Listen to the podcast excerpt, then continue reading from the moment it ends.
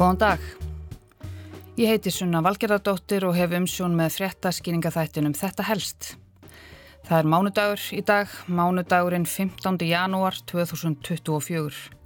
Það er ískallt úti og þó að skamdið sé á hægu undanhaldi er drungi yfir landinu.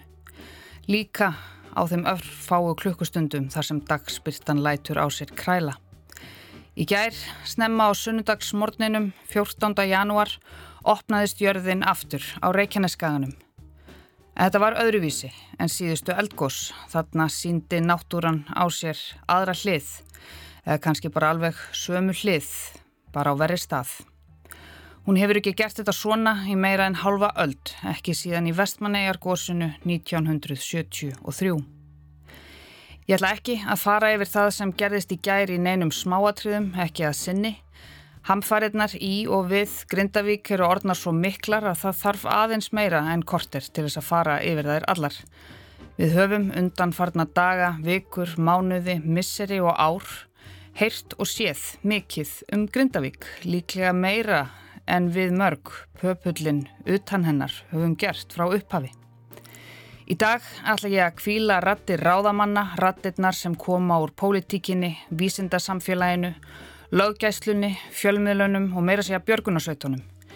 Ég ætla að kvíla áhyggjurattirnar, dramatískar lýsingarnar, fagurur lovorðin og skammar skipanirnar og tilenga þennan fyrsta helst þátt eftir eldgósið við Grindavík, fólkinu sem þar býr. Grindvikingunum, bænum þeirra og því einstaka æðruleysi sem íbúar Grindavíkur búa yfir.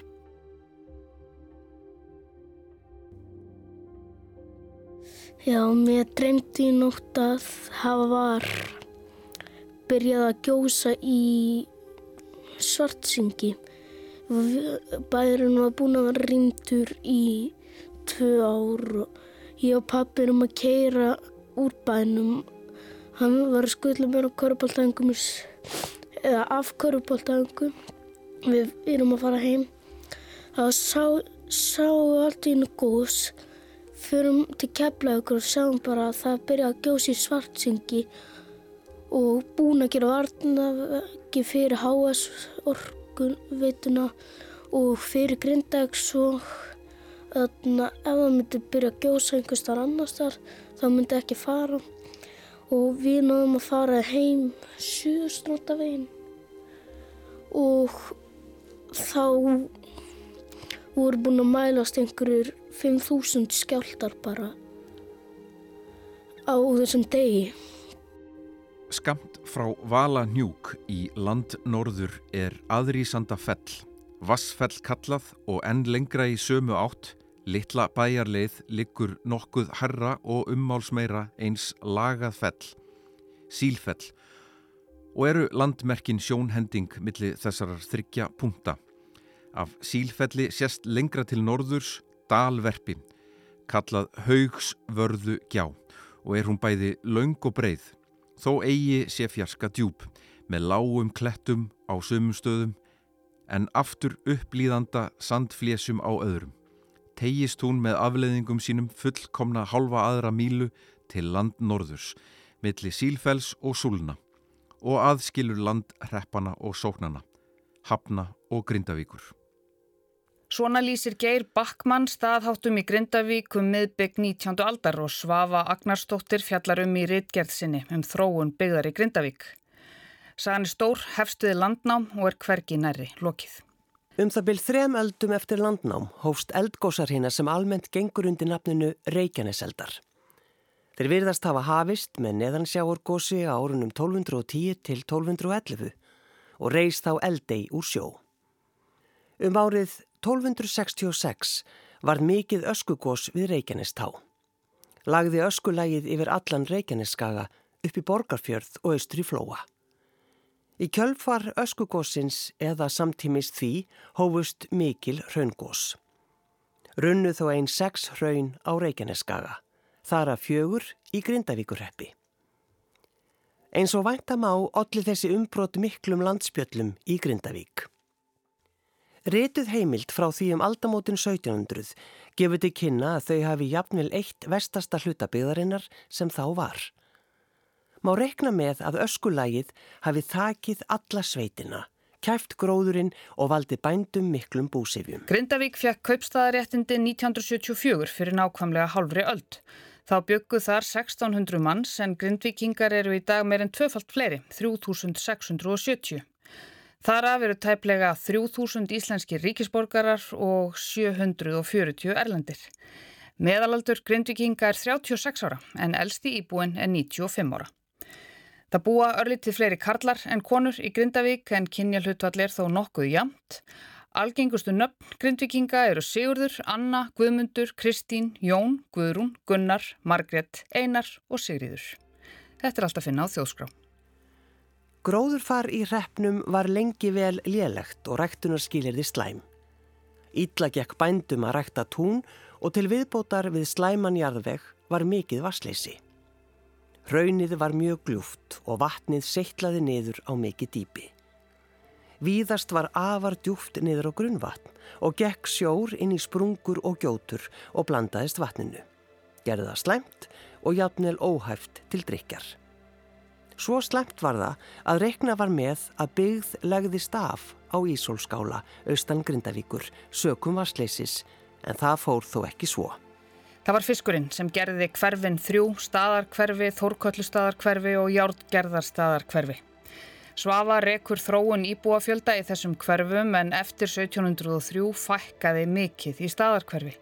Ástæðunar eru sjálfsagt margar en líklegt má telja að stóra bóla hegi mikinn þátt í því. Þau þekkja áföllin vel, grindvikingar, það er innbyggt í erðaefnið þeirra. Slísavarnadeildin Þorbjörn var stopnuð formlega 1928 og tveimur árum síðar var fluglínustöð komið upp í bænum. Og aðeins viku eftir að Björgun og Sveitarmönnum hafi verið kent á fluglínutækin þurftu þeir að nota þau. Franskur tógari með 38 manna áhöfn strandaði við hraun. Björgunin tókst giftu samlega vel og voru þessi nýju tæki strax búin að sanna sig. Áður en langt um leið voru slík tæki komin til allra delta Sliðsavarnafélags Íslands. Þegar Svafa skrifar ytger sína um þróun byggðar í Grindavík bygguð þar 2200 manns, það var árið 2002. Þá voru farin að vaksa það lítil fyrirtæki með léttan eðnað en fiskvinnslan var lífæðin. Þarna upp úr aldamótum hafi líka orðið mikil viðhorsbreyting hjá fólki varandi garðrækt og búið að laga til mikið af svæðum innan bæjarins. Þar sem áður hefur verið hraun og sandur er orðið grasi gróið. Þetta hefur orðið til þess að bærin er orðin mjög snirtilegur og fallegur. Mikið til dæmis að fallegum gönguleiðum í kringum bæin og hafa nokkrar þeirra verið mertar. Þá er mikið á hverum víða í landi Grindavíkur. Og nú, tveimur áratugum síðar er Grindavík í mólum. Þar sem áður var gras og gróður er nú aftur komið hraun. Dauða djúpar sprungur liggja undir bænum sem nú þegar hafa tekið eitt mannslíf og glóandi kvikan úr yðrum jarðar streymir annarkvort þar eða bara allt í kring. En þessi hamfarakabli í sögu Grindavíkur hann hófst ekkit í gær þó hann hafi náð kannski einhvers konar hámarki. Við heldum líklega mörg að hámarkið hafi verið 10. november þegar bærin var við það að klopna í sundur.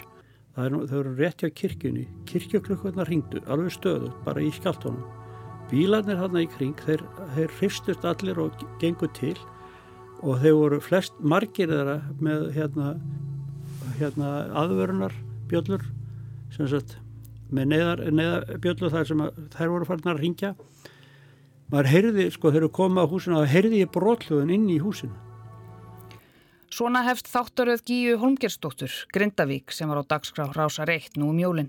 Grindavíkur bær var rýmdur förstudagskvöldi 10. november og jarðskjáltarnir voru á góðri leið með að rýfa bæin í tvent. En þetta var bara á tíanbílu og þegar stæðsti skjáltin kom, þú veist, þetta var bara, húsi bara lyftist upp og maður bara fór upp í loft og niður.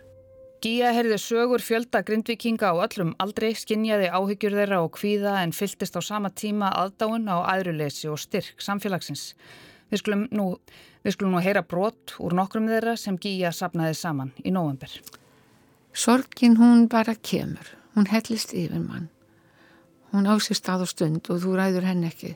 Það er bara gott að geta gert eitthvað. Engur bjargar á maður hvernig, hvað gerir maður þegar að, þegar að manni svona þyrmir yfir mann og að finna bara sorginni er allstaður og, og hvað gerir maður þá? Jú, maður á bjargráð. Ég ringdi þarna við inkonu mína, hún bað fyrir mér, hún sendi mér gott að hlusta eitthvað yfir í bílum og, og ég gerði það allt. Þetta er búið að vera ótrúlega skrítið að vita ekki hvað, hvað þú veist, morgundagurum byrjir skautið sér og maður veit ekki hvað gerist og þú veist, þetta eins og þetta búið að ganga þá er, eru bara breytingar okkur um einsta degi. Hættan er að aukast og hún er að minka og maður veit ekki alveg, maður veit ekki alveg hvað maður á að halda í, um, í þessum aðstæðum og þetta er búið að vera umulegt ef ég var alveg hreinskilinn. Mín reynsla hefur verið þannig, ég veit alveg að ég kemst í gegnum allt sem ætti mér. En það kostar alveg blóðfrug sitt á trár. Það bara þekkt ekki ég. Fannst, og, og það uh, bara er alltaf lægi. Almanvarnir og höfuborgarsæði ekki vera að hlusta vegna þess að þetta voru bara tölur hjá þeim.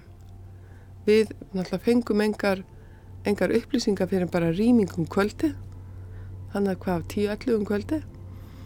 En frá klukkan hálftvö var þetta bara stanslaust allan daginn og þetta bara ágerðist og ágerðist en tölunum voru að sína 3,5, 3,2, 2,7, 2,8 Hér heyrðum við brot úr viðtölum Gíu við Emilju Ósk Jóhannesdóttur, Elinborgu Gísladóttur, Höllu Kristínu Sveinsdóttur og Gunnar Tómasson sem tekin voru í november skömmu eftir að bærin var rýmdur í fyrra sinn. Já, mér dreymdi í nótt að það var byrjað að gjósa í svartsingi. Og þetta er Eidur Aron, tíu ára gammal grindvikingur. Hann dreymdi þennan draum daginn áður en hann þurfti að byrja í nýjum skóla eftir að Grindavík var rýmt. En þetta eru rattir grindvikingana fyrir gærdaginn áður en eldgósið læsti klónum sínum í bæinn. Og nú skulum við heyra í fólki úr fréttum í gær. Planið var að flytja inn í þetta fyrir jólinn núna síðustu. Þetta sem sagt, þegar við yfirgefum Grindavík í november, þá voru einhverjar sex vikur eftir kannski af byggingatíma og við vorum bara leiðin inn. Var í síðustu viku var ég að setja rafverkina á staðið það, að bara fara að klára sína vinn og ég ætlaði að fara bara að koma mér heim með vorinu. Alltaf verið seint að því núna og mér langar bara að segja takk við þjóðina fyrir það, bæði hvernig það búið svona standa með okkur að flestu leiti þó að ímislegt með ég hafi betur mátt fara og nú verður náttúrulega bara verða stjórnvöld að gera þessi í brók og, og aðstofa fólk með húsnæðismál en að öðru leiti bara allir kærleikurinn og ljósið og allt sem við fengið og, og hverjutna núna þetta er ómetanlegt að fá þetta því að maður þarf virkilega að fá lánaða von í svona aðstæðum og þetta var alltaf ekki svo hratt þannig ég er eiginlega ekki alveg búin að melda það hvaða var í gangi. Ég skalð bara í fótunum, ég nota linsur og var að setja með linsurna sko til að geta kert í burtu og ég bara skalð við það sko. Þetta er einstakar aðstöður og við erum auðvitað ekki bara beigð lengur heldur bara brotin þannig að nú þarfum við að fá stuðning eh, ríkisfaldsins og Við vitum að við hefum uh, þjóðina með okkur í þessu. Þarna heyrðum við Rannari Jóni Emilsinni, Ínu Ösp Úlvarsdóttur, Solníu Pálsdóttur og Fannari Jónasinni eftir að eldgósið hófst við Grindavík í gær. Ég heiti Suna Valgeradóttir og lefði röddum Grindvikinga að hljóma í þessum þætti af þetta helst. Ég mælist til þess að þið hlustið á Grindavík þáttaröð Gíu Holmgersdóttur sem er aðgengilegi spilaranum. En við í þetta helst höldum auðvitað áfram umfyllun okkar um þessa sögulegu og hrikalegu atbyrði á næstu dögum og líklega vikum og mánuðum. Takk fyrir að leggja vel hustir í dag og við heyrumst aftur á morgun.